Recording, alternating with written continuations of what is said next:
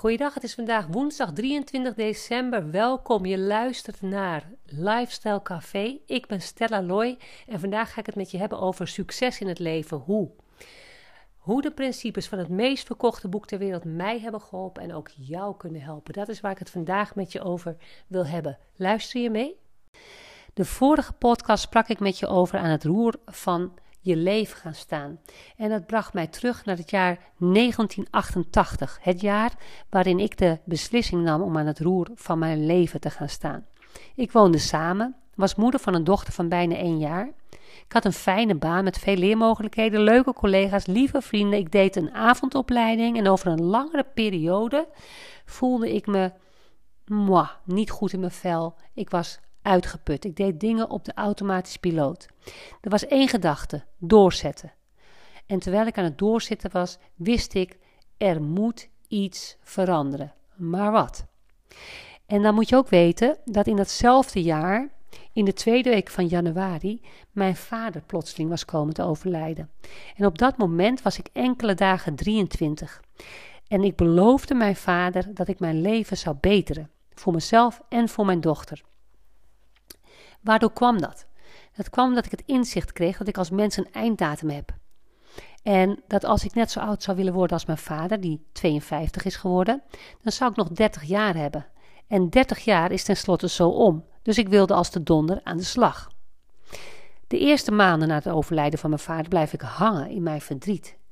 En dat maakt dat ik alles op die automatische piloot doe, waar ik het al eerder zo over had, en dat ik mezelf voortsleepte. Het had ook een reden, want de avond van zijn overlijden was mijn schoolavond. En ik had beloofd dat ik na school even lang zou gaan om even gedachten te zeggen en bij te praten. Ik was te moe, ga naar huis, bel niet af. We hadden geen mobiel, maar wel een vaste telefoon. Ik bel niet af, ik ga slapen. En die nacht overlijdt mijn vader. En dat maakt dat ik op een gegeven moment voel dat er iets aan mij knaagt. En het knaagt en het knaagt. Ik had niets van me laten horen. Dus de belofte die ik had gedaan aan mijn vader om mijn leven te beteren, dat kwam voort uit een knagend schuldgevoel al op dat moment. Ik had geen contact opgenomen. Ik had niet uitgelegd: ik ben te moe. We maken een andere afspraak. Ik had geen stem meer gehoord. Het bracht me ook terug naar de tijd van de lagere school. Wij waren van huis uit, gingen wij niet naar de kerk. Ik zat wel op een hervormde school en we hadden daar ook een kindje uh, dat we geadopteerd hadden in, uit Bangladesh. En één keer per maand was er een voorstelling op het podium in de aula. En dan was het of een Bijbels drama, of er werd voorgelezen uit de Bijbel, of er was iets anders. En ik moet je heel eerlijk zeggen, ik lette eigenlijk nooit zo goed op, want mijn gedachten dwaalden af naar het meisje in Bangladesh. Een grote foto achter in de aula. Ja, die sprak mij aan en ik had hele gesprekken. Ik vroeg me af hoe het met haar ging. Ik vroeg me af of ze een fijn thuis had. Of ze het net zo fijn thuis had als dat ik het had. Of ze te eten had. Of ze voldoende te eten had. En misschien, heel misschien, zal ik haar later, als ik groot was, eens eh, opzoeken. Terug naar 88. Terug naar uitgeput zijn. Mijn eerste stap op weg naar herstel bleek op geestelijk gebied te zijn. Ik nam contact op met een oude vriendin en ik vertelde haar waar ik mee liep. Ik kon mijn hart luchten. Ik stelde vragen.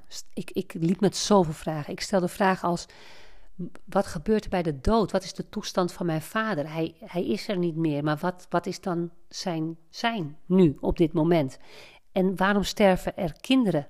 Of waarom zijn er oorlogen? En dat kwam voort weer uit onze familiegeschiedenis. En wat ik ook wilde weten, en dat kwam dan weer voort uit het gebied, het relationele gebied, is hoe kan het dat mensen elkaar niet begrijpen, zelfs niet als ze dezelfde taal spreken? En opeens, opeens drong het tot mij door in de gesprekken met haar dat ik wilde weten of God zich via de Bijbel openbaart of ik antwoorden kon krijgen op mijn levensvragen. Ik ging wekelijks met haar in gesprek. En dat heeft mijn leven vanaf dat moment ten goede veranderd. En niet alleen het leven van mij, maar ook van mijn dochter, want wij kregen antwoord op levensvragen. De Bijbel gaf antwoord. En nu, meer dan 30 jaar later, kan ik met plezier vertellen dat de informatie die ik toen kreeg en die me nu nog elke dag fascineert, ja, mij een heel gelukkig mens maakt. Er staan waargebeurde verhalen in over echte mensen en hun contact met andere mensen en met God. En die verhalen die brengen praktische lessen over in eenvoudige en duidelijke bewoordingen. En wat mij zo ontzettend geholpen heeft, is dat het voor mij handvatten zijn geworden. Het zijn leefregels of principes. En een heel mooi voorbeeld wat we allemaal kennen, het is een oud Nederlands, maar we begrijpen het zeer zeker. Wat u niet wilt dat u geschiet, doe dat ook de ander niet. En in deze tijd ja, dan, dan klinkt het beter voor ons als we zeggen: behandel anderen zoals je zelf graag behandeld wilt worden. Mocht je deze gedachte op willen zoeken in de Bijbel, dan is het het Bijbelboek Matthäus, hoofdstuk 12, vers 7. Terug naar die Bijbel. Die Bijbel is voor mij het boek over en van de bron van het leven, God. Voor mij staat het onomstotelijk vast over en van de bron van het leven, God. En die bron van het leven is voor mij een reële persoon geworden. Met prachtige eigenschappen en een onveranderlijk voornemen. En daar wil ik het met je over hebben, heel kort. De aloude strijd tussen goed en kwaad is een fascinerend universeel drama, maar wel één met een happy end. En ik heb geleerd dat er meer nodig is dan alleen Gods bestaan en maatstaven verstandelijk accepteren. Want wijsheid of ware wijsheid moet blijken uit de dingen die ik dagelijks zeg en doe. Dus dat is het toepassen van kennis. En ik geef mijn leven invulling rondom mijn aanbidding, zodat ik eerst doe wat ik het allerleukste vind. En dat is privéles geven. En daarnaast werk ik als leefstijlcoach. En dat vind ik ook heel erg leuk. Eigenlijk vind ik beide, beide allerleukst. En op het gebied van het verbeteren van onze geestelijke, fysieke, mentale en emotionele gezondheid, dat heeft mijn hele leven, is dat een rode draad geweest.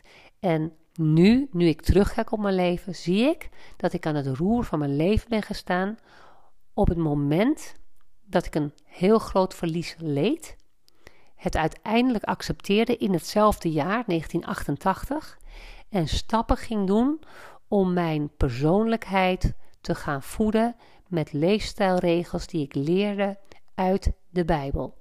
Nou, dat gezegd hebbende wil ik met jou delen dat ik jou zowel op het gebied van uh, de Bijbel, dan wel op het gebied van lichamelijk fit zijn, lekker in je vel voelen, heel graag wilt helpen.